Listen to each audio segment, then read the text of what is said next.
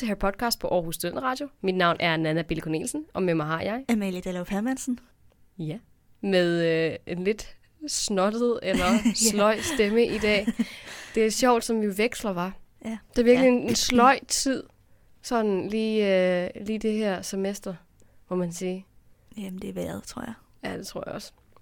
Men øh, alle de andre render sikkert også rundt og er sådan lidt småsnottet. Ja.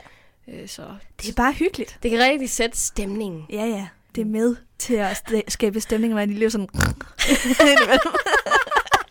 ja, vi skal nok klippe alt det klamme ud, bare Ja. ja. øhm, men øh, ja, tilgiv i hvert fald mig for at, at lyde sådan en Mm. lille smule nasal, det gør jeg. eller sådan lidt øh, snottet. Og vi skal snakke om kapitel 8, Den fede dames flugt. I dag er det bare et enkelt kapitel. Mm. Mm. Og hvad bedre end at starte med et lille resume? Ja. Skal vi ikke, øh, skal vi ikke gøre det?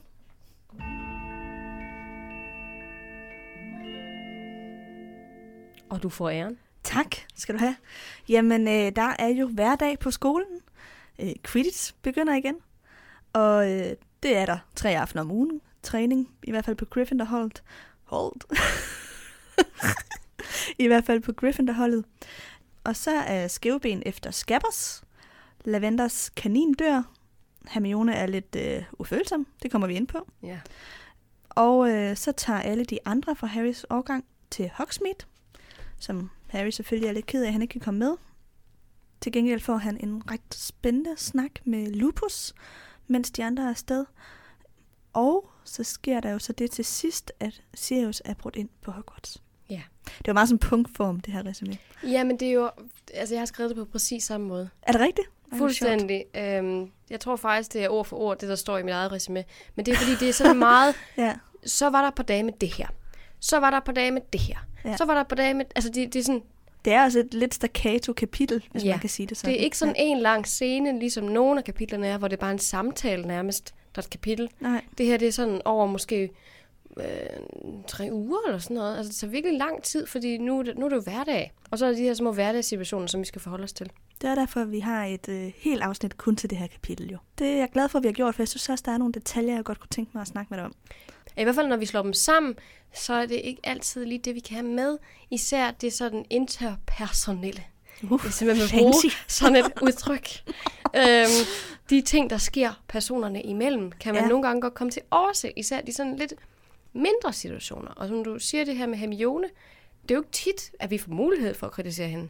Men jeg har på fornemmelsen, at vi kommer til at gøre det i dag. Ja, jeg har i hvert fald et, øh, et par lidt negative Ord at sætte på ord hende. i mine, øh, i mine noter. Ja. Ja.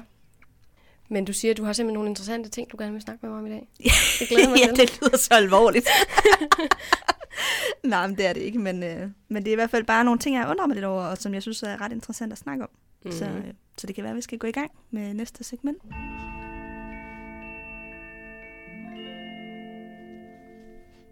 Og det her segment er jo det, der hedder magiske relationer. Ja. I mangel af bedre ord. Det er så sexet.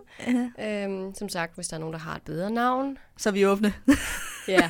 Men lige nu, der hedder det magiske relationer. Ja, vi har virkelig brainstormet på det her. Det kan være, det der er gået galt, at der skal bare komme sådan en genial idé, sådan randomly, og så... Men lige nu, der hedder det simpelthen bare det. Ja. Og, og herunder hører jo så også den magiske verden. Mm. Men ja, det handler jo om relationerne mellem mennesker. Og øhm, som du nævnte før, så er omdrejningspunktet af kapitlet handler jo faktisk om, Harry vil gerne til Hogsmeade, men Harry får ikke lov til at komme til Hogsmeade. Mm. Det er jo, det er jo faktisk det, han tænker mest på. Ja. Øh, og så bliver han så lidt muggen i krukken. Det er et godt udtryk. Øhm, Muggen i krukken. ja. Nå, er det et sønderjysk udtryk? Nej, det er det ikke. Jeg tror, det er fynsk. Nå, okay. øhm, men han er i hvert fald mobset over det her. Ja. Men der sker en masse andre ting, som er lidt mere interessante end det her med Hogsmeade, vil jeg mene. Mhm. Jeg havde overvejet, om vi skulle snakke om Hogsmeade i dag, men det skal vi ikke, synes jeg. Fordi at øh, vi, vi kommer slet ikke til Hogsmeade. Ej, jeg tænker også, øh, lad os vente med at snakke om Hogsmeade til, at Harry rent faktisk kommer der ind. Lige præcis. Ja. Det synes jeg også virker mere oplagt. Men øhm, det første, jeg har skrevet ned, det er hele den her situation med Ron, Scabbers, øh, Hermione og Skævben. Ja. Og det ved jeg, det har du også noteret noget til. Yes. Og det er jo oppe i opholdsstuen, hvor øh, Ron han, øh, han nævner, at Scabbers er i hans taske. Så Hermione hun skal lige holde sin kat lidt væk. Og så sidder Skævben så og stiger meget intens på Ron, indtil den til sidst angriber tasken, Skaber flyver ud af tasken og, og sådan render ind under en kommode eller sådan noget, og øh, skævben er lige ved at få fat i den. Det lykkes så ikke. Men, øh, men Ron bliver mega sur på Hermione og sådan lidt. Altså, vil du godt holde din klamme kat væk fra min rotte, fordi han var der altså først, og han har det mega dårligt. Og hun øh, forsvarer ligesom sig selv ved at sige, at Ronson er katte. Det ligger altså i deres natur, at øh, være efter rotter. Det er altså ikke hans skyld. Ja, hvad synes du om det? Åh, jeg har det lidt ligesom, når man kommer hjem til, til hundeejere, hvor at øh, hun hopper op og ned af en og gør, og er mega grænseoverskridende. Jeg er ikke så glad for hunden. Og de så bare står og griner og siger, jamen den gør ikke noget. Ja, det kan du da se, den gør. altså, Den skræmmer livet af mig. den, ja, altså, og jeg ved godt, det man mener er, jamen den bider ikke. Mm-hmm. Men, men det, at den hopper op af mig, er nok. Og jeg synes, det er lidt det, det samme, Hermione gør her. At hun er sådan, Nå jamen, øh, den gør ikke noget. Eller sådan, katten øh, gør jo bare det, som den, Den skal. skal som kat, og, og jagte en rotte. Og det er sådan lidt øh, manglende forståelse for, hvor andre kommer fra. Og andres følelser. Ja, Fordi hun kan ikke rigtig sætte sig i Rons sted. Det er sådan lidt, ja ja, det er fint, at det er din kats natur. Men hvis den spiser hans rot, hvad betyder det? At det er dens natur. Derfor er rotten stadigvæk død, og det er et, et dyr, som han har en tilknytning til. Altså hvis det var skæveben, der ville blive et af en hund, så ville hun jo nok have det på samme måde. ja. Men hun, øh, hun undskylder ikke engang. Jeg synes faktisk, at, øh, at det er virkelig øh, ufølsomt og hensynsløst over for sin ven, at hun bare afviser det på den her måde. ja. Det virker som om dagen efter, da hun sagde, hvordan går det med Scabbers og sådan noget. Men det virker ikke som om hun rigtig et forsøg på sådan at stoppe skæveben. Nej, det gør hun ikke. Det er faktisk de andre inde i opholdsstuen, som jagter skæveben Mm. for at stoppe katten. Så, øhm, så Men, nej. jeg, men jeg mener også generelt, altså hun kunne jo have holdt den op på sin opholdsstue. Det er en ret klog kat, så jeg kunne forestille mig, at den kunne komme ud. Øh, men hun kunne også have forsøgt at fortrylle den. Okay, nu sørger vi for, at den kun spiser vegetarisk. Ja. Der findes ikke en, en besværgelse for det. Det ville ikke overraske mig. Men hun prøver ikke. Hun er bare sådan, det er dens natur, jeg gider ikke gøre noget ved det. Og jeg ved godt, det her det er sådan lidt et long stretch, men det er lidt ligesom altså de der generelle ting, man kan sige, Nå, men sådan er drenge, Ja. eller, eller sådan er mænd, eller sådan er Boys kvinder. must be boys. Ja, ja, sådan. Ja. noget. Man sådan, det er bare et rigtig dårligt arg- argument. Altså, især fordi det er en magisk kat. Ja, jeg, jeg synes, den har potentiale for noget mere. Hun, hun tager i hvert fald ikke øh, den her problematik op og gør noget ved det. Og det fortsætter jo så også lidt til, Til Binky, til Binky, ja.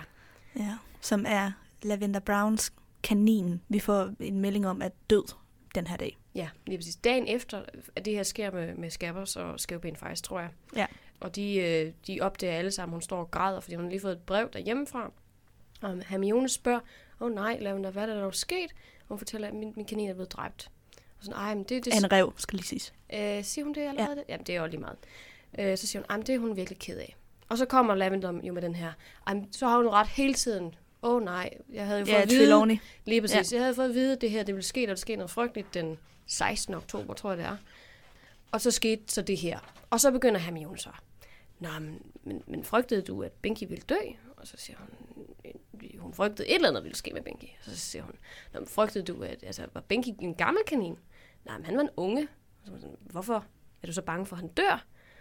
Altså hun fortsætter med den her argumentation, i stedet for at overveje, prøv at høre, der står en person, som er i sorg. Ja. Det kan godt være, det er over en kanin. Men man skal ikke sådan underminere andre folks følelser. Og det gør hun bare totalt, fordi for hende er argumentet vigtigere end sorgen. ja. Og Hermione har jo ret. Altså sådan, det, det Ja, ja. logiske i hendes argumentation er jo helt rigtigt. Mm-hmm. Det giver ingen mening, at Lavender har gået og været bekymret for sin Nej. kanin, hvis det er en lille unge. Og også alt det her med Trelawneys profeti og sådan noget. Hermione har helt ret. Det er bare virkelig ufølsomt af hende at Ja. stå og sige det. Og lige det øjeblik, hvor hun har fået brevet. Ja. Altså, Ja, det er ikke engang, altså, det er noget andet, hvis hun en uge senere stadigvæk går og græder over sin kanin. Så kan man måske godt ligesom sige, okay. er du sikker på, at det er helt validt, at du har fået den her profeti at vide, og nu er spot om bare yeah. shit, eller hvad? Ja. Jeg tror også, jeg vil spørge sådan, handler det her om noget andet? mm-hmm. Mm. Altså sådan øh, fuld medfølelse til folk, der har et kæledyr, de holder meget af, men, men hvis man sådan er i sorg flere år efter, for eksempel, så, Mhm. mm. så vil jeg sige, så er der noget galt. jo, jo, Øh, så der, altså jeg mener bare, der er også forskel på, hvornår man gør det. Hermione gør det lige, da hun har fået det at vide. Der skal man måske bare holde sin kæft. Ja. Men det var noget andet, hvis, hvis hun stadig gik og græd over det lang tid senere. Ja, eller i hvert fald be- begyndte at bruge det som et argument for, at spot om er virkeligt. Det er, Ja.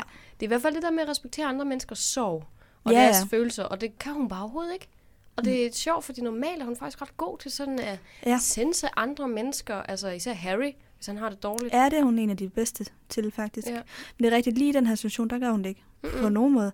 Og jeg tror, at det handler om, at øh, Lavender Brown siger det her med Trelawney. Mm-hmm. Og jeg tror også, det handler om, at hun er øh, irriteret over Lavender Brown i det hele taget. Altså, jeg ja. tror ikke, hun bryder sig om hende. Nej, det tror jeg godt kan være rigtigt. Men jeg tror måske også, at hendes adfærd på den her måde, meget sådan logiske tilgang til tingene, mm. gør, at de andre piger har et problem med hende. Sådan generelt. Ja, hun har jo generelt svært ved at få pigevenner. Ja, det er kun Ginny og Luna, hun får senere. Mm. Og dem har hun jo ikke rigtigt på det her tidspunkt, tror jeg. Nej. Så ja, hun er, hun er i hvert fald en del af problemet selv. Og det er det der med, jo jo, det er godt, du er klog, og det er godt, du kan totalt gennemholde en anden persons argumentation. Men hvis du ikke Måske skal du ikke gøre det lige, hvor de har Ja. fået et brev om, at deres kæledyr er død. Det er det, altså, hvis du Ja. har empati, hvad fanden... Altså, så kan man ikke bruge det til noget. Du har, kan i hvert fald ikke agere i sociale relationer, hvis du bare opfører dig på noget. Det er sådan lidt um, Sheldon Cooper-agtigt. Big Bang Theory. Nå, ja. ja. På en eller anden måde. Hvis man kan se det sådan. Men ja, det var min tanke mm. om Mhm. Hermione. ja, men jeg er meget øh, enig. Det er, også, øh, det er faktisk også meget det, jeg har skrevet ned. Mm-hmm. Og Ron, har jo også, Ron siger til Lavender, øh, du skal ikke lade dig gå på af hende. Hermione har ikke respekt for andre folks kæledyr. Nej, Og der har han jo faktisk ret. Altså, det har hun det har ikke. han decideret ikke, nej.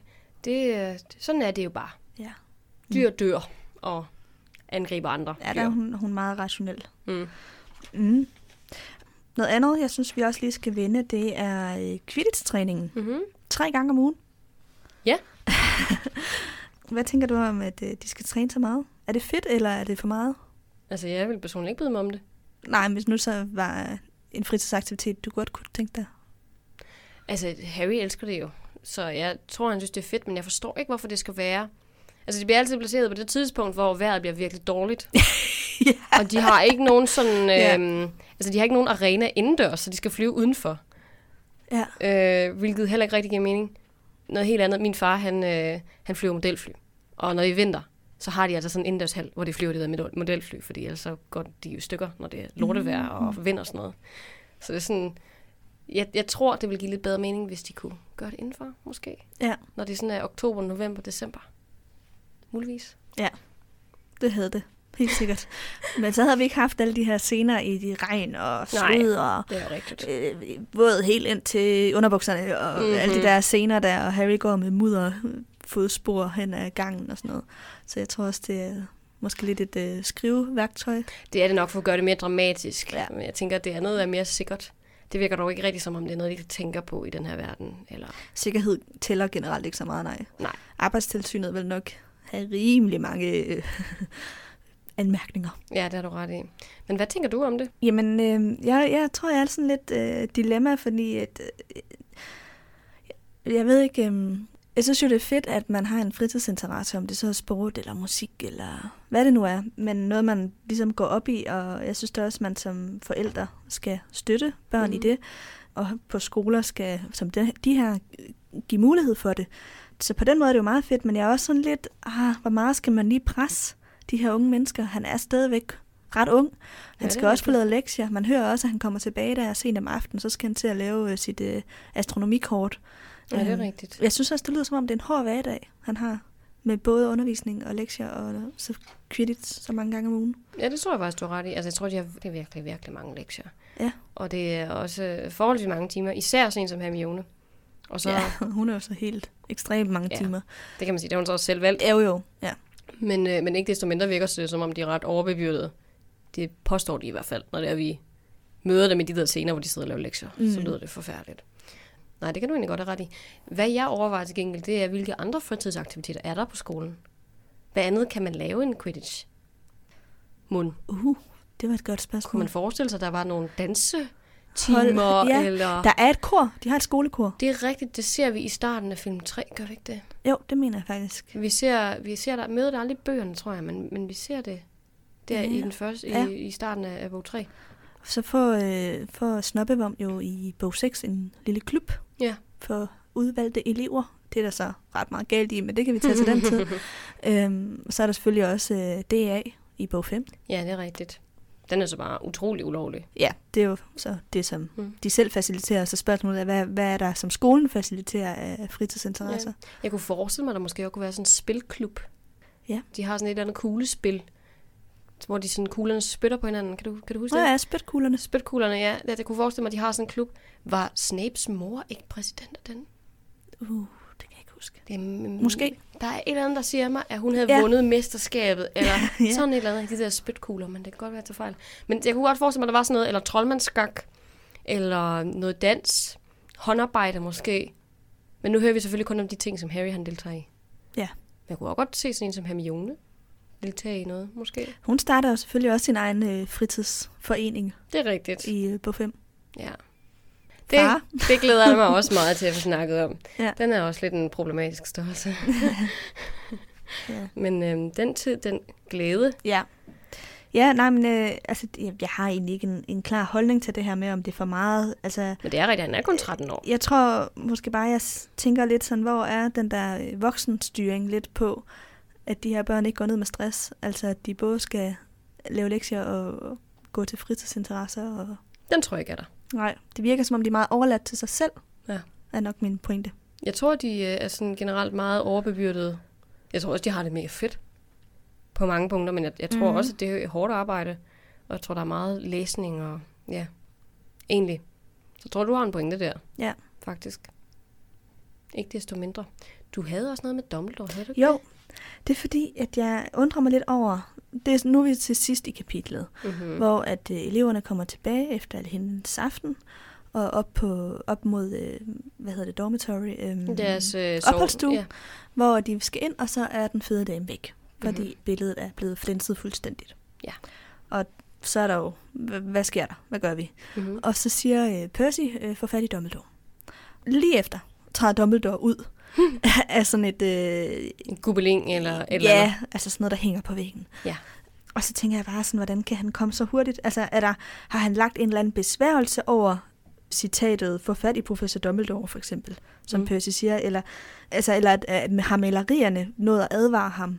De kan jo gå hurtigt øh, mellem, personerne i malerierne kan jo gå hurtigt mm. mellem hinanden, så de kan jo ret hurtigt komme op på hans kontor og advare ham. Ja.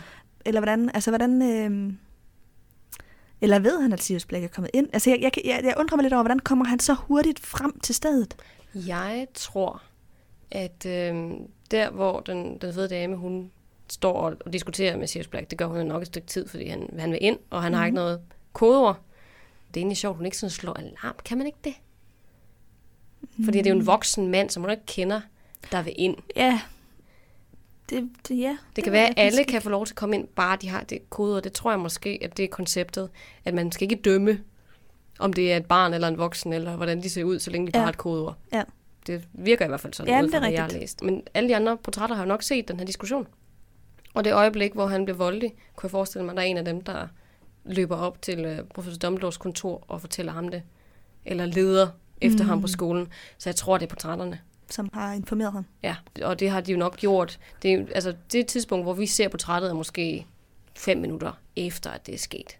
Det er rigtigt, der kan de jo godt have nået at, at hente Ja, ham. I hvert fald et par minutter, tror jeg. Det er ikke lige sådan sket. Fordi så vil han jo måske stadigvæk være i nærheden.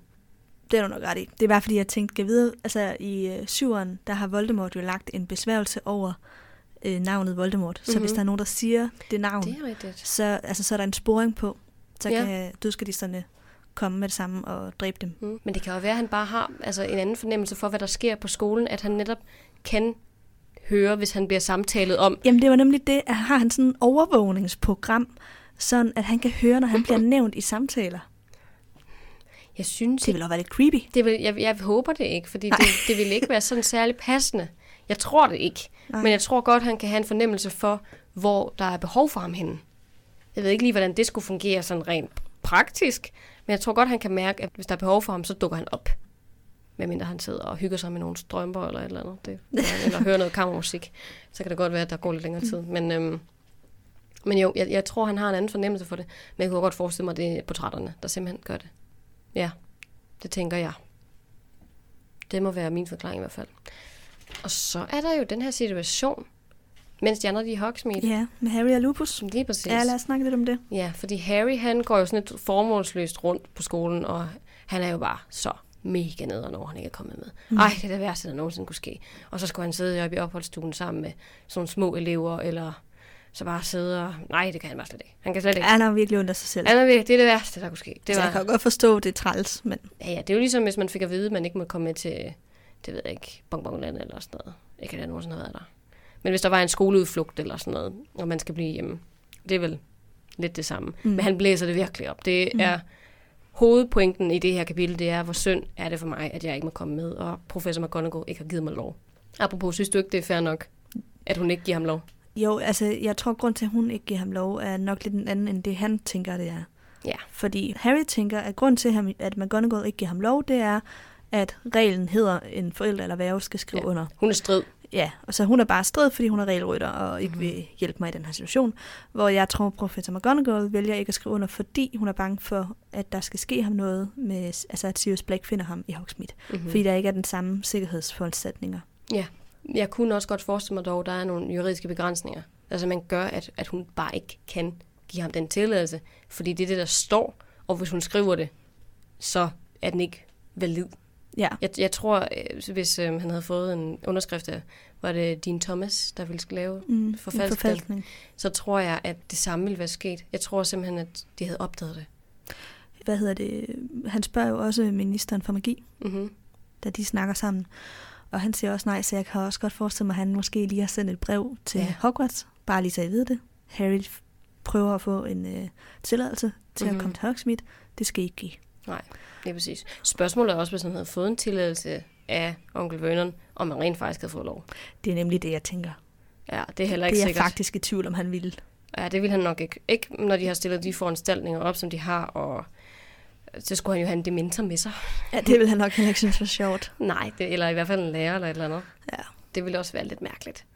Så sandsynligheden for, at han ville få lov, er ret lille. Men jeg tror Mm. også, der rent sådan, kunne være et juridisk problem med, at hun skulle underskrive den. Ja, For hun er jo ikke hans værve. Så det kan være, at der er en eller anden magisk foranstaltning på det, ja. hvis man prøver på at fuske med reglerne. det kan godt være. Måske. Men ikke desto mindre, så går han rundt på gangene og støder lige pludselig på professor Lupus. Ja. Som går God gamle lupus. gode gamle Lupus, som godt kan se, at han er lidt ked af det. Ja. Ja. Og så bliver han inviteret ind på hans kontor og får vist den der Grindelow, han har mm. i et akvarie. Møder vi igen i næste bog. Mm. Ja, det er der, hvor de prøver på at gribe fat i ham Mm. nede i vandet. Og så sidder de jo så og hyggesnakker over en kop te. Det gør de.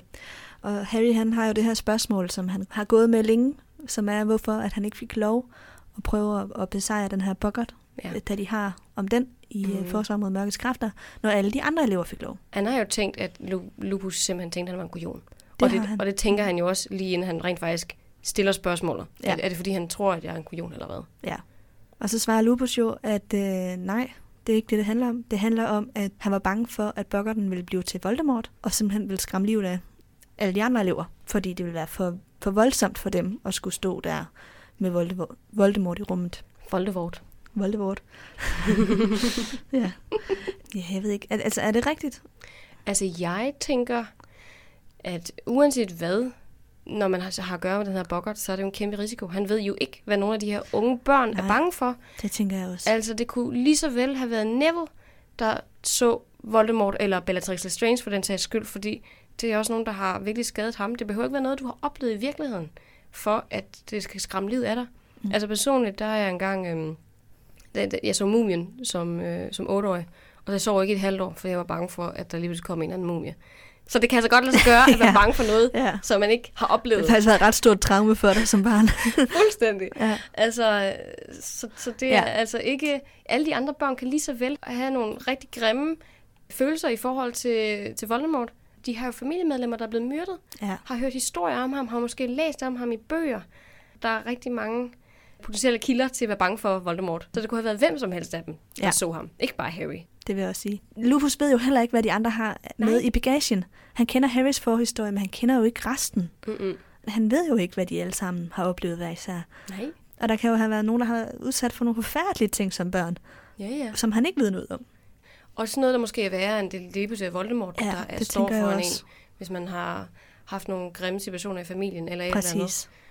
På en eller anden måde kan jeg godt se hans pointe, men på den anden vis, så Så giver det ikke rigtig mening i forhold til, hvad han ellers tillader, vel? Nej, det er i hvert fald alle de andre børns frygt kunne være lige så slem eller Ja. værre. Tilfældigvis så er det sådan en banshee og en slange og en æderkop og sådan noget. Det er sådan nogle, sådan nogle klassiske børneting, man er bange for, ligesom den der mumie. Ja.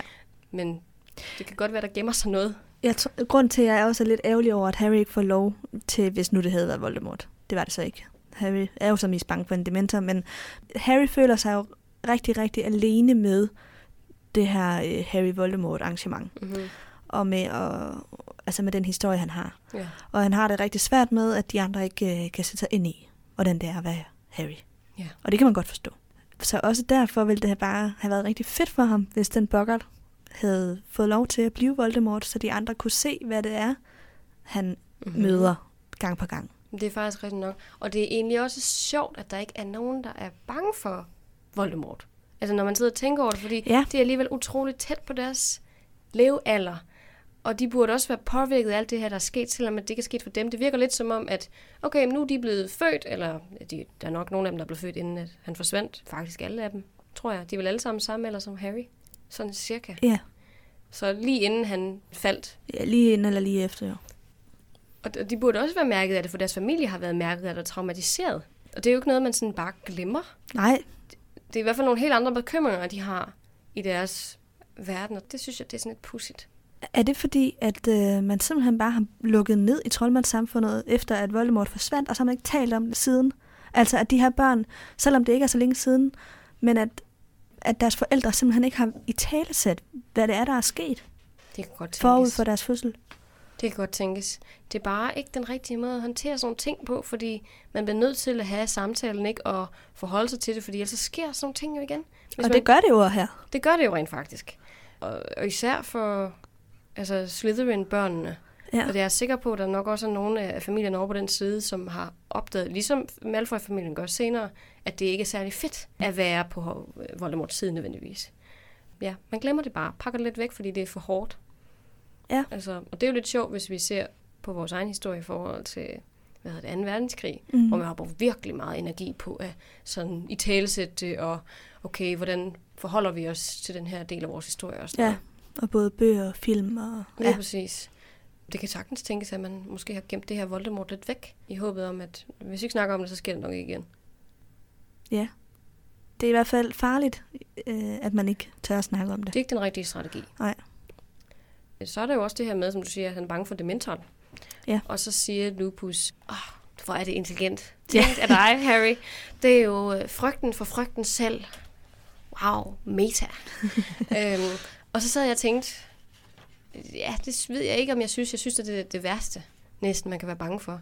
Det der med at gå Mhm. rundt og være bange for at blive bange. Fordi så kan det jo blive det hele tiden. Ja. Jeg tænker lidt på Newt Scamander.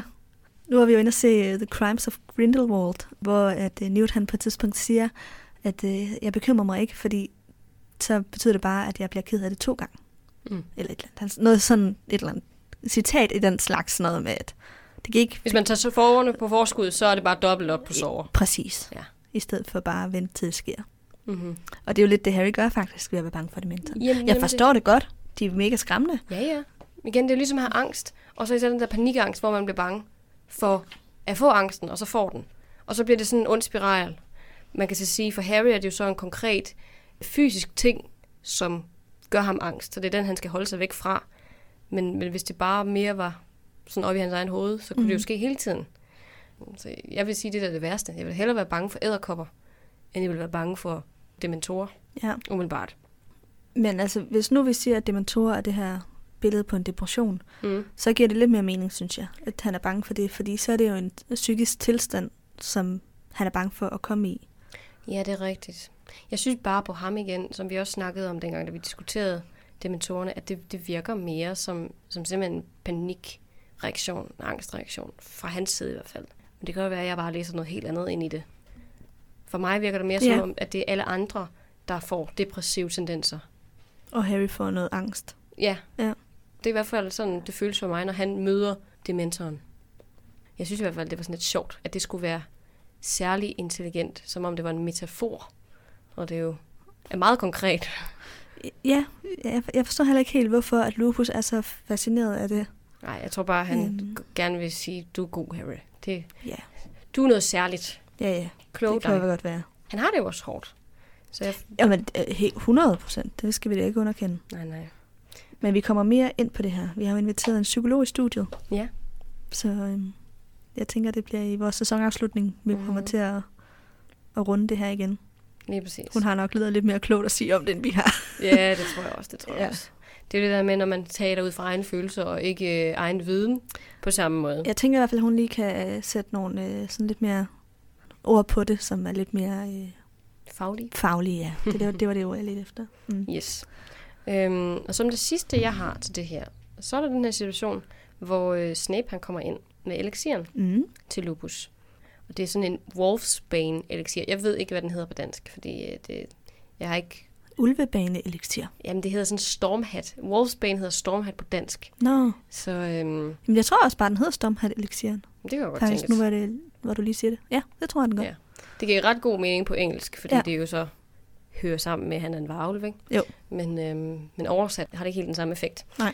Øh, men han kommer i hvert fald ind med elixiren, og Harry er jo med det samme meget skeptisk. Meget nysgerrig også, hvad mm. det er for en elixir. Hvad er det for noget? Og han, han anklager jo næsten Snape for at ville snigmyrde Lupus. Ja. Og Lupus han sidder bare sådan, ja ja, det er fint med dig, og så drikker han den. ja. Øhm, og, og det synes jeg også... Harry er godt nok utrolig skeptisk. Ja. Altså, og jeg, jeg sad også og tænkte, hvad har Snape egentlig gjort, der fortjener den her reaktion? Jeg ved godt, han er ondsindet, og ville have forgiftet, øh, hvad hedder det, Trevor, her for et par kapitler siden. Mm. Men Men direkte at forgifte en eller anden lærer. der har ja. aldrig været noget eksempel på, at han har ville skade nogen af eleverne. Altså på den her måde. Der var den der um, Quidditch-situation, hvor han stoppede professor Quirrell for, for, Ja. ja. for Harry at falde ned.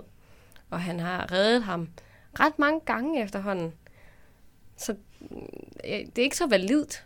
Altså han har ikke rigtig nogen sådan øhm, fortilfælde for, at Snape skulle gøre sådan noget her. Så jeg ved ikke, hvorfor han blev ved. Men jeg tror, at Snape ville gøre det. Han siger jo til Lupus, at uh, Snape har, uh, har kig på posten som lærer i forsvar mod mørkets kræfter. Ja. Øhm, og derfor skulle vippe Lupus af pinden på den måde måske, Ja, ja det er for rigtigt. selv at kunne få den øh, lærerstilling. Det er også lidt naivt at tænke, men altså, Ja, det er i hvert fald sådan... Han har ikke nogen beviser på, at Snape nogensinde har gjort noget sådan decideret dårligt mod nogen. men hvis man også lige tænker rationelt på det, hvis han forgifter en anden lærer, så vil det blive opdaget. Altså sådan, ja. og Harry er vidne. Det er totalt irrationelt. Ja, ja. Fuldstændig. Og det er også... Altså, kado til Lupus for bare at være sådan... Ja, ja. Ja, ja. I stedet for sådan, Harry, nu skal du lige tage dig sammen. Du må ikke sidde og anklage folk for at ville myrde andre. Det er jo fuldstændig vanvittigt at sidde og sige. Og han siger det jo faktisk også til Ron og Hermione lidt efter. Ja. Sådan, Kom ind med den her pokal og vil myrde ham. Og de sådan, "Åh, vil han myrde ham? Ja. Nej, det gør han ikke. Han myrder kun én person. Ja. Og det er Dumbledore. ja, ja. ja, det er rigtigt. Ja, det synes jeg i hvert fald var lidt sjovt. Men ting er jo også øh, med den her elixir, at det er faktisk en del af Lupus' øh, ansættelseskontrakt, Ja, at han det er skal have rigtigt. den. Øh, Det var en del af, af, af måden, som Dumbledore fik overtalt ham ja, til at komme. nemlig. Altså, En frønsegode. En frønsegode. Jeg synes faktisk, at, øh, at Snape egentlig håndterer det meget fint, fordi vi ved jo godt, at der er nogle tensions mellem de to. Øh, så jeg synes egentlig, Lige der er de jo faktisk meget respektfulde over for hinanden. Ja. Altså, de kan ikke lide hinanden, men de opfører sig pænt. lige præcis. Og Snape, han gør det her for Lupus. Jeg ved ikke, om Dumbledore skulle sådan skælde ham ud, eller sådan sige, det skal du bare gøre. Muligvis. Men jeg synes i hvert fald, at de, de forholder sig ret pænt over for hinanden. Ja. Og det synes jeg egentlig er meget fint. Mm. Der behøver ikke være så dårlig stemning hele tiden, hvis man kan sige Men der sådan. er Lupus også en helt anden type end for eksempel både James og Sirius. Ja. Lupus øh, er lidt mere, hvad skal man sige, konstruktiv. Og nu skal vi også få tingene til at glide, og vi kan heller ikke gå rundt og have bære på gammel nag i evigheder. Altså sådan, Nej, nu er vi voksne, nu må vi også komme videre. det er det. Altså, Og Lupus har jo heller aldrig været den, der var decideret efter Snape. nej, Han har ikke stoppet de, de andre fra at være efter ham, men han har ikke været den, der førte staven, Nej. hvis man kunne sige sådan. på mange måder har jeg faktisk altid tænkt, at ham og Lily var et bedre match. Ja, Sådan personlighedsmæssigt i hvert fald. Lupus er i hvert fald mere sådan tilbagelænet, mindre ja. sådan opfarende, Ja. hvis man kan sige det sådan. Det gør i hvert fald noget godt lige i den her situation, kan man Ja. sige. 100 procent. Øh, det tror jeg også, Snape respekterer Mm. på en eller anden vis. Mm? Skal vi gå videre til fri leg? Yes.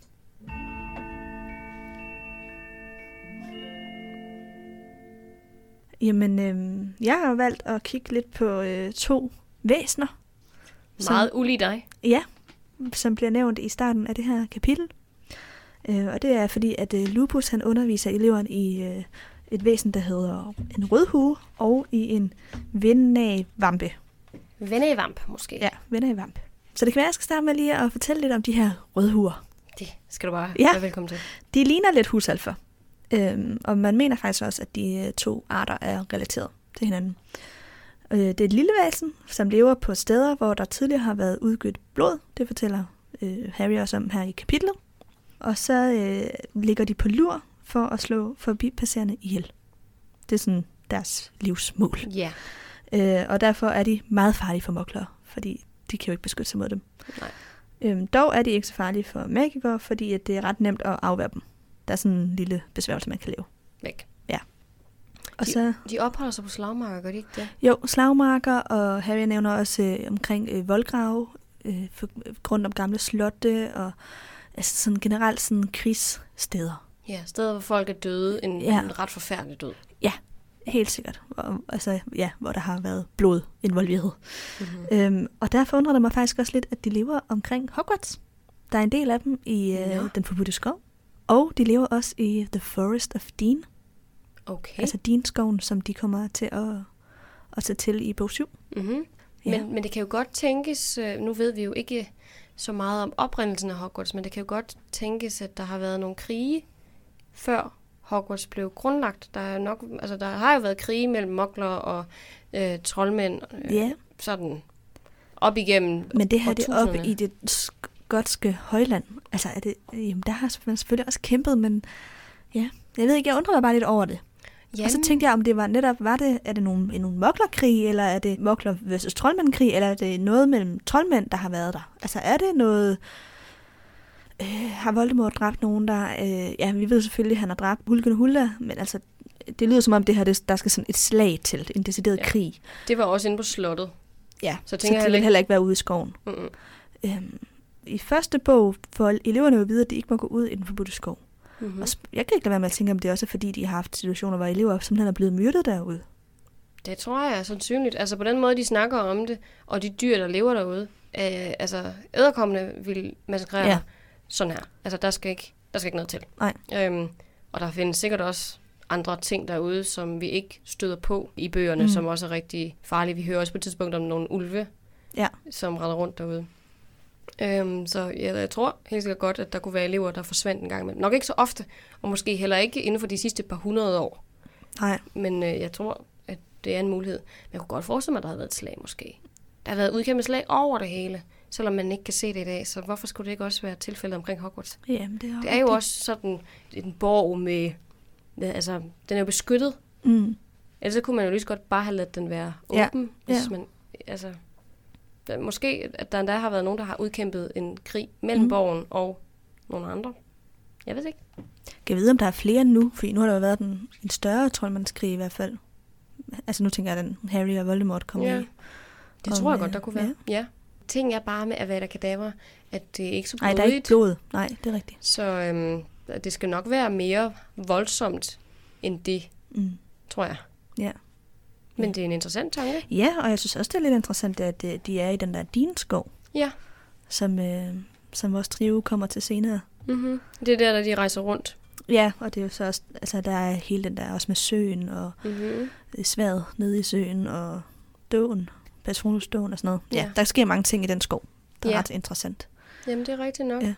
Men har det noget at gøre med mokler? Skal det, skulle det kun være moklerkrige? Eller... Generelt bare steder, der har været blod. Okay, så det, de, de diskriminerer ikke. Det, der er ikke nogen diskrimination efter, om det er mokler eller magikere, nej. Fuldblods Nej, nej, blod. nej. Bare folk, der er blevet dræbt Okay, på drabelig manier. fair nok.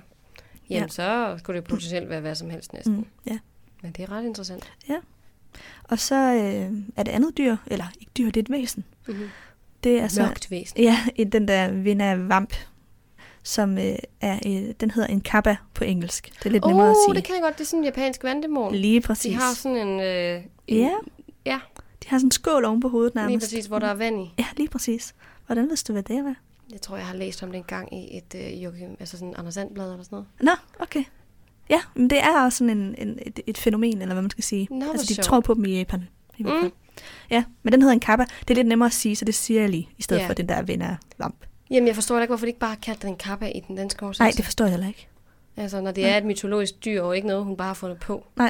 Det er et, man tror på. Sjovt. Ja. Det, det dyr er jo faktisk også med i den nye Fantastic Beasts. Det er den nemlig.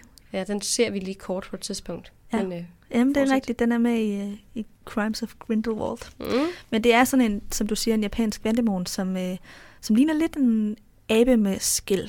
ja, Og så har den den der hul øh, skål, ja med hulning. hulning med vand i Ja. ovenpå. Som hvis den øh, bliver tom, så har den ikke så mange kræfter. Ja. ja. Og øh, de lever af menneskeblod, øhm, og så øh, kvæler de de mennesker, som træder ned i deres stamme. Mm-hmm. Øh, man kan pacificere dem, det synes jeg var lidt sjovt, ved at øh, finde en agurk og skrive sit navn på agurken, eller sådan skravere den ind i, i skralden, og så smide den efter okay. Kappaen. Ja. Så, forsvind, så løber den væk. Altså, det, det tør den ikke. Den er bange for Okay. agurker. Og så, øh, så, så beskytter man sig mod øh, kappaen på den måde. Gud, hvor mærkeligt. Ja, og i øh, Japan, der kan man faktisk få nogle sushi-ruller, som er opkaldt efter den der kappa, hvor der er agurk i. Ej, hvor sjovt. Så, øh, så det var det, øh, jeg havde. Så ja, Ja. så er den med i filmen, så der Mm. kan man se den. Mm. Ja, altså nu har jeg overhovedet ikke læst op på den, fordi at, øh, men, men fra hvad jeg kan huske, de har virkelig mange folkesavn om karvær i Japan. Så når, når der så kom en, hvis en person var død i en sø, og var sådan helt oppustet og sådan noget, så, så troede man, det var fordi karveren havde fået fat i dem, Nå. og så havde pustet dem op, eller gjort et eller andet- et eller andet ved dem. Ja, Og der, der var vist også et eller andet med, måden man kunne få dem til sådan, at være mindre stærke, det var ved at få dem til at bukke. ja, lige præcis. Hvis man bukker for dem, så ryger vandet ud Ja. af deres øh, skål på hovedet. Ja, og så mister de deres kræfter. Lige ja. præcis. Det, det er et meget sjovt dyr, Ja. sådan generelt. Men ret farligt. Øh, Ministeriet for Magi har klassificeret den med, jeg tror det er fire ekser. Okay, det er sådan lige under drager og Ja, alle de så, andre. øh, så den bliver i hvert fald opfattet som ret ret farlig. Men de findes ikke i, i England, gør de det? Nej, de findes i Japan. Okay. Ja, derfor er det jo også lidt sjovt, hvorfor at, øh, eleverne har om dem. Ja. Men øh, Det kan være, at Louis bare har tænkt, det var et interessant dyr. Ja, Men der er jo kan være. virkelig mange af sådan interessante mørke dyr, øh, som de ikke møder på i deres Hogwarts. hverdag. Ja, det er Ja. rigtigt. Lige præcis. Øhm, det var nogle Så- interessante ja. nogen. ja, ja. Og så, som du siger, så møder vi jo Grindelwald lidt senere, så den har vi måske en snak om i Ja, øh, det jeg. fireren, Ja. kan man sige. Jamen, øh, så vil jeg tage den, det afsluttende frileg. Mm. Øhm, og jeg havde overvejet lidt, om der måske var noget med den fede dame, ligesom der var med Sir Cadogan. Det er der så ikke. Ej, det skulle man tro. det skulle man tro. Ja. Vi ved ikke noget om hende, øh, inden hun døde. Det, den fede dame er det her portræt, der hænger uden for opholdsstuen, og som man skal give et kodeord til for at komme ind. Og øh, som navnet siger, så er hun en overvægtig kvinde, Mm. som så er portrætteret i en øh, lyserød silkekjole i øh, bøgerne, og noget af filmene, og så er den anden halvdel af filmene, der har hun sådan en hvid silkekjole på. Sådan et toga-agtig. Nå. Så, Nå ja, det ja, den nu. skifter faktisk mellem Ja. skuespiller og hvordan sådan portrættet ser ud i filmene. Er det forskellige skuespillere? Ja, det er det faktisk Nå. også. Jeg tror, det er fra bog 3, øh, at øh, de får en ny skuespiller. Og hende nummer to, hun synger også. Hun gør det til sådan en mere komisk fed dame, hvor øh, den, den første, hun er sådan lidt sur. Mm. Eller gør ikke, hun har ikke rigtig nogen personlighed, Nej, hvis man okay. kan sige sådan. Men, men ting er jo som sagt, at, øh, at man skal give hende et, et kodeord for at komme ind, og hvis man ikke har det, så kan man ikke komme ind. Mm. Og det er det, der sker i det her kapitel, at Sirius Black kender ikke kodeordet, så han får ikke lov til at komme ind. Mm. Og vi har også set det mange gange med Neville, der Ja. glemmer Ja. kodeordet. Og han blev også skyldig senere, at Sirius Black rent faktisk kommer ind, fordi han laver en liste mm. over kodeord. Det er jo ikke så godt. Øhm, og ellers så er hun jo som sagt en ret humoristisk person. Øh, kan godt lide at synge meget højt. Mm. Det lyder ikke særlig godt. Så kan hun godt lide mad, og hun kan godt lide at drikke vin. Og det gør hun med en veninde, hun har fra et andet portræt, hvor Nå. de så drikker sig fulde omkring jul. Og så kommer de op på et tidspunkt, og er sådan, "Nå, men kan vi komme ind nu? Og så siger hun sådan, øh, jeg har tømmermænd, når må være i fred. Nå. Det er meget sjovt. Det kan jeg slet ikke huske. Jamen, jeg tror også, hun laver kodeud om til sådan abstinence, mm. efter hun har haft sådan en ordentlig omgang øh, vin. Grineren. Det glæder jeg mig til. Jamen, jeg tror, det er sådan, at i bog 5 eller noget, Ja. ja. så drikker de så sådan en plakat fulde, de der portrætter. Øhm, men som sagt, kodeord. Så jeg har prøvet på at finde ud af, hvad er der så for nogle kodeord, Ja. ja. man skal bruge til forskellige steder på slottet. Øhm, Og nogle af dem, man bruger øh, til at komme ind på Gryffindor, det er blandt andet Caput Draconis. Mm. Det er i øh, den første bog. Mm. Så er der en, der hedder Flipperty Gibbet. jeg ved ikke, det kunne være en af de der Stalakits kasket. Stalagmit. Den tror jeg er med i den danske på et tidspunkt. Ja, Eller er den. sådan noget den retning. Mm. Og så er der så Mimbulus Mimbletonia, som er den eneste, Neville kan huske, fordi det er en plante. ja. Ja. Så ved Slytherin, der er der jo den der Pure Blood, som vi får høre i bog 2. Ved Hufflepuff, det er den melodi, man skal nynne efter sådan en eller anden Helga Hufflepuff-sang. Så de har ikke noget kodeord. Nå, Øhm, den er da ret nem så at øh, komme ind. ja. Ja. ja. De er sådan lidt mere chill, tror Ja. jeg. Øh, og ved Ravenclaw, der er det jo sådan en eller anden gåde, man skal kunne svare på. Ja. Øhm, øh, så man kan jo sådan set bare komme ind, hvis man bare er klog nok. Ja, det er jo så det, deres fordom måske Ja. lidt er mod, at de andre elever, at der er ikke nogen, der er klog nok til at være Ravenclaw. Nej, så skal man i hvert fald være i Ravenclaw, ikke? Jo. Øhm, ved Dumbledores kontor, der er det jo så navnene på forskellige former for slik. Ja. Både muggle-slik og magic slik, blandt andet det her Sherbet Lemons. Mm. Øhm, jeg tror også, han har sådan noget, nogle kakelak-chokolade eller et eller andet på et tidspunkt. Øh, og så ved præfekternes badeværelse er der den her Pine Fresh. Jeg kan ikke huske, hvad den hedder på dansk. Det ved jeg ikke. Gran. Ja. Et eller andet. Det siger Harry i hvert fald i firen, da han skal op og bade. Og så er der ved den der enårede heks, som vi kommer til lidt senere, der hedder den Dissendium. For han skal ned i hendes pukkel, så han kan komme ned under gangen ud til Hogsmeade. Mm. Ja. Og så ja. er der masser af forskellige sådan, genveje på slottet, hvor du skal spørge portrætter om, altså hvor de så beder om et kodeord. Ja. Alle mulige forskellige mærkelige gange, som man kan komme igennem, hvis man bare kender det rigtige ord. Spørgsmålet om der nogensinde er nogen, der kender dem alle sammen. Jeg skulle lige til at sige, hvor, hvor lærer man dem hen? Jeg ved det ikke. Måske man spørger dem. Ja. Eller måske man spørger nogle ældre elever, der, der kender det. ja, det kan være. Det kan jo tænkes, det står på øh, røverkortet. Det gør det jo det med den der. Dissendium. Ja, det kunne godt tænkes. Mm.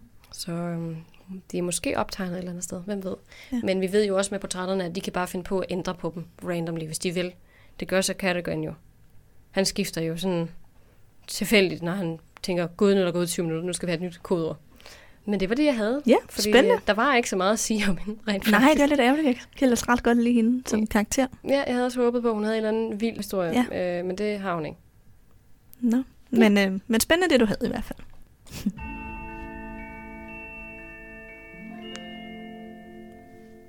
Olepost. Ulepost er næste segment. Jeg er blevet ret vild med ulepost. Jeg synes, det er hyggeligt. Det er det også. Øh, normalt så plejer vi jo at tage øh, lidt lytterspørgsmål ind. Men øh, i dag er det os selv, der har lavet et lytterspørgsmål. det var sidste gang. Hvis man har hørt den sidste episode, så ved man godt, hvad det er. Øh, for der kom vi til at snakke om det her med øh, Sirius Black, og hvornår finder de andre dødskadister ud af, at han ikke er på deres side, og finder de ud af det, og vi havde mange spørgsmål omkring det her med, ved de, hvor på hvis side han står? Hmm. Er han på Phoenixorden, eller er han på Voldemorts? Det har jeg så undersøgt, faktisk. Fordi jeg tænkte, det var da egentlig ret fedt at vide. Ja. Jeg kunne ikke finde noget, som J.K. Rowling har sagt. Nej. Så det, jeg har kunne finde, det var fans, Gisninger. gissninger, øh, teorier. Når det er, jeg henviser til fans, så er det inde på en hjemmeside, hvor de øh, laver ret mange sådan, øh, kildehenvisninger til bøgerne. Og, altså sådan, der bliver argumenteret godt for, hvorfor Hmm. man tror det, man tror. Så jeg synes faktisk, det er, nogle, det er sgu okay. Det er ret validt. Ja, det er det, men det er selvfølgelig ikke J.K. Rowling. Men, øh, Nej, men man kan sige, sådan er det jo med rigtig, rigtig mange ting.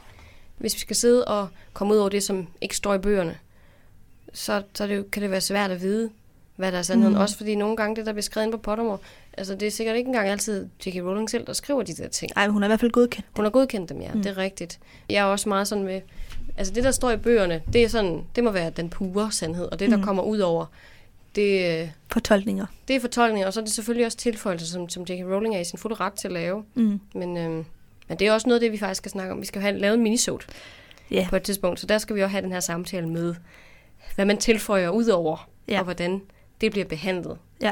i ja, kanon-tekster. Mm. Helt sikkert. Men øh, tilbage til det her spørgsmål. Og øh, der var mange fans, som mener, at øh, de i hvert fald godt ved, at Peter Pettigrew er på deres side. Fordi de snakker om ham i fængslet. Mm. De er jo sure over, at Voldemort er væk, øh, og det mener mange af dem er Peter Pettigrews skyld. Okay. Og det siger Sirius faktisk senere i den her bog til Peter Pettigrew, at øh, de snakker om dig, og du... De vil have fat i dig. De vil have fat i dig, og du er i livsfare. Så hvis ikke, at øh, det var mig og Lupus, der fik fat i dig, så ville de være nogle andre. Mm. Så det ved de i hvert fald. Okay. Spørgsmålet er, om de ved, at Sirius ikke er Ja. Altså, men øhm, så skriver mange fans, at øh, de mener, at dødsgardisterne hele tiden har vidst, at Sirius ikke var på deres side. Mm-hmm. Øh, men hvorfor skulle de fortælle det til ministeriet? Det, der, det giver jo ikke nogen mening at skulle frikende ham. Nej, det kan lige så godt bare straffe ham. Præcis. Og jo længere han er i Askeban, jo mere svag bliver han, og jo mindre kan han jo gøre modstand, når han kommer ud igen. Lige Så der, der er ikke nogen interesse for dem i at skulle fortælle Ministeriet for Magi, at han faktisk ikke er dødsgardist. Nej, nej. Øhm, det forklarer så ikke, hvorfor Snape ikke ved det. Nej. Fordi i den her bog tror Snape jo, at Sirius er dødsgardist. Eller i hvert fald på Voldemorts side. Ikke? Øhm, så hvordan kan det så være? Er det fordi, at han har et gammelt had, så han... Altså, så, så det er faktisk mere det, det handler om. At han simpelthen godt ved, at Sirius er god, men han har det her had, som gør, at han ikke vil, vil acceptere ham og ikke vil hjælpe ham. Mm-hmm. Eller er det, at, øh, at han tror, at Sirius er med Voldemort? Eller hvad, hvad handler det om? Øhm, og så er der en anden fan, der skriver, jamen øh, de fleste dødsgardister kender jo faktisk ikke hinandens identiteter, fordi de har de der masker på. Mm-hmm. Og det var for, at de ikke kunne sladre om hinanden. Ja. Øhm, og det hører vi også senere. Øh, Igar øh, Karkaroff, han vil sladre om nogle af de andre for at se, om han kan få en mildere straf, men han kan faktisk ikke nævne særlig mange andre. Det er rigtigt. På trods af, at han har mødt mange. Og det kunne så forklare, hvorfor at Snape ikke ved, at det var Peter Pettigrew, som var den, der sladrede om Lily og James, og ikke Sirius, som gjorde det. Ja. Så det kan godt være, at dødsgardisterne inde i fængslet ved, at det er Peter Pettigrew, men at Snape tror, det er Sirius, mm-hmm. der har Mhm. sladret. Spørgsmålet er også, hvor meget kontakt Snape har med andre dødsgardister. Han har jo ikke kontakt med dem længere. Nej, det skulle kun være Lucius. Ja. Altså som den eneste. Ja, Han kunne sådan møde generelt, tror jeg. ja. Øhm, fordi Lucius han kommer vel en gang imellem på skolen. Men og... de to taler jo ikke åbent om, at... Nej, øh, det gør de nemlig ikke. Altså, jeg tror lidt, de begge to lader som om, at de ikke ved, at den anden er dødsgardist. Ja, det tror jeg også. Og de er jo begge to blevet frikendt på en eller anden fasong. Ja, jeg ved ikke, det hvordan Lucius Malfoy er, men Snape, han er jo... Øh, jeg mener nok, at Lucius Malfoy, han undskylder sig med Imperius-rebelsen. Mm-hmm. At det er den, der han... Øh, Han har været under. ja, han har været under. Øhm, og det, det er der flere, flere af dem, der gør. Jamen, det, det er fair nok. Jeg, jeg tror i hvert fald ikke, at han har kontakt med nogen, før Voldemort sådan kommer tilbage for alvor. Og jeg tror, sådan holder, han holder sig også lidt i baggrunden. Ja, Han tager i hvert fald ikke ind og besøger Bellatrix, for eksempel. Det, Nej. det tror jeg simpelthen ikke. Fordi lige så vil han jo afsløre sig selv. Lige præcis. Men hvad er også lidt sjovt, hvis han tror, at uh, Sirius decideret er dødsgardist. Altså øh, Snape. Ja, Ja. hvis Snape tror det, så er de jo teknisk set på samme side. Altså i gode øjne, ja, ikke? jo. Så det er også derfor, det er mærkeligt, at han vil være så opsat på at få ham likvideret. Men mindre Ja. det sådan ville være for show. Han havde ham jo også. Det er jo også et faktum. Ja. Men, men det er sådan en mærkelig rolle. Han skal sådan lige finde ud af, hvordan han agerer i det her. Ja, Altså det er virkelig en, en sjov størrelse, fordi skal han spille dødsgardist og, og, være, og støtte Sirius? Eller Mhm. skal han få myrdet ham, og så samtidig sådan lidt, altså vise, jeg er faktisk på de gode side? ja. Fordi hvis, hvis Voldemort rent faktisk troede, at Sirius var dødsgardist, hvilket han jo godt ved, han ikke er, så ville han jo nok blive sur, hvis Sirius blev myrdet. Ja, men så Snape. kunne Snape, Snape jo undskylde sig med at sige, jamen, at han troede, at Sirius var på de gode side. Det er rigtigt. Altså han kan jo undskylde sig over for alle parter ved at sige, jamen jeg troede, Sirius var på den eller den side. Ja, det er rigtigt. Men mindre selvfølgelig, at han blev stillet op foran dem alle sammen på samme tid. Korrekt. Så ville det være problematisk. Eller skulle tage Veritaseum. Det er præcis. Det, det er i hvert fald et svært valg, sådan lige, øh, lige finde ud af for ham. Altså det der, ja, fordi der er rimelig stor enighed om, inden for det her fan-univers, at dødsgardisterne sådan, som gruppe, dem i hvert fald dem, der sidder i Azkaban, mm. godt ved, at Sirius er uskyldig. Eller er på Phoenix-ordens side. Mm. Øhm, men der er lidt øh, usikkerhed omkring, hvad, men hvad med Snape? Øh, Ja. har han den samme information? Ja. Han, han er jo heller jeg ikke ikke, en... har. Nej, men under den første krig går han jo heller ikke med dødsgardisterne. Nej. Han, han har selv en samtale med Voldemort. Han er jo ikke en del af dødsgardisterne Nej, som ikke, gruppe. ikke på den måde Så derfor ved han måske heller ikke de samme ting, som de andre gør. Det tror jeg, du har ret i. Det tror jeg. Ja, altså jeg, jeg tror mest på, at Snape tror, at Sirius er dødsgardist. Ja, det tror jeg også. Og så med den added bonus, at han har været mega nederen over for Snape. Så derfor glæder han sig lidt til at og få ham myrdet. at Lily er død. Ja. Ja. Så Og derfor vil han Win-win. ham. Ja. Men, øhm, men vores spørgsmål, vores eget lytterspørgsmål gik jo også meget på, hvad med altså sådan, de andre dødsgardister inde Ja. i fængslet, ved de godt. Ja, Og det, øh, det, er der ret de. store indikationer på, at de godt ved, at det var Peter Pettigrew og ikke Snape. Ja. Så, så det har Voldemort sagt til nogle af dem i hvert fald. Good, that makes sense. Så, så fik vi klaret det. Øhm, så, så næste uge, så tager vi selvfølgelig nogle af jeres igen. Der er ved at komme lidt ind, så det er meget godt.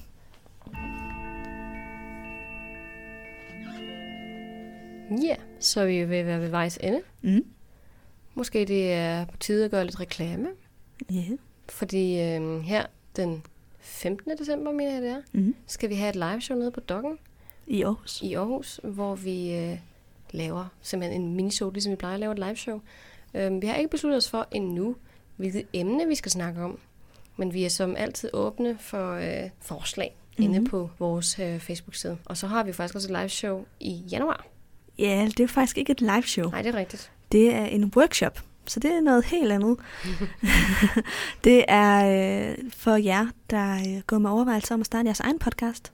Eller bare interesseret i at høre, hvordan vi laver vores. Ja, det kan man også. Altså hvis man er super interesseret i, hvad der foregår bag ved mikrofonerne, så, Mhm. øh, så går vi i dybden med det der og fortæller sådan ret detaljeret og giver feedback til, øh, til nye ja, idéer, hvis, hvis man har nogen. Hvis man er interesseret, så kan vi i hvert fald godt øh, støtte lidt. Det går meget på sådan noget med, hvordan, hvordan kommer man i gang, og hvorfor noget udstyr bruger vi, og, Mm. og øh, hvordan man tænker i øh, altså sådan podcast, idéer og målgrupper og alle mulige forskellige Ja. ting. Øh, og også noget som feedback, hvordan man forholder sig til det, og hvordan vi har forholdt os til den feedback, Mm. vi får. Øh, så det kan både bruges til folk, der gerne vil lave en podcast, men også lige så meget for dem, der gerne vil høre, hvordan vi egentlig Mm. laver det her. Ja. Hvis man kan sige det sådan. Ja, behind the scenes. Lige præcis. Og det er øh, sidste januar, Lige og præcis. det kan man også finde inde på Doggens hjemmeside. Nemlig. Man skal bare søge Harry podcast. Jeg Ja. tror måske bare, hvis man søger Harry, så kommer vi op. Ja, så kommer vi op. Øhm, ja, men det der i december, det er snart udsolgt. Så, Der er øh, 10 billetter, tilbage. øh, da jeg Mhm. tjekkede i dag.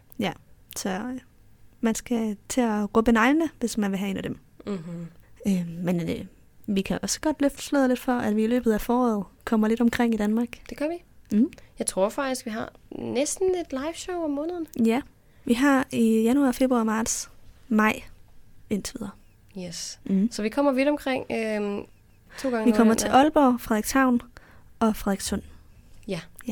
Lige præcis. Og datoerne øh, skal vi nok lægge ud snarest muligt. Så, øh, men det, jeg tror, det var det for denne gang. Ja. Så lad os øh, få dagens citat. Det har du.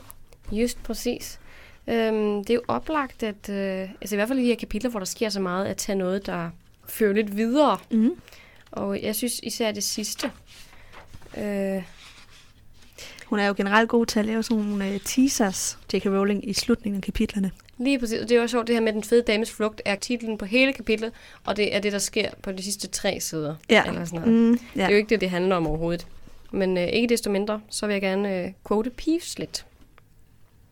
Og det er Dumbledore og, og Peeves, der har en samtale om den fede dame.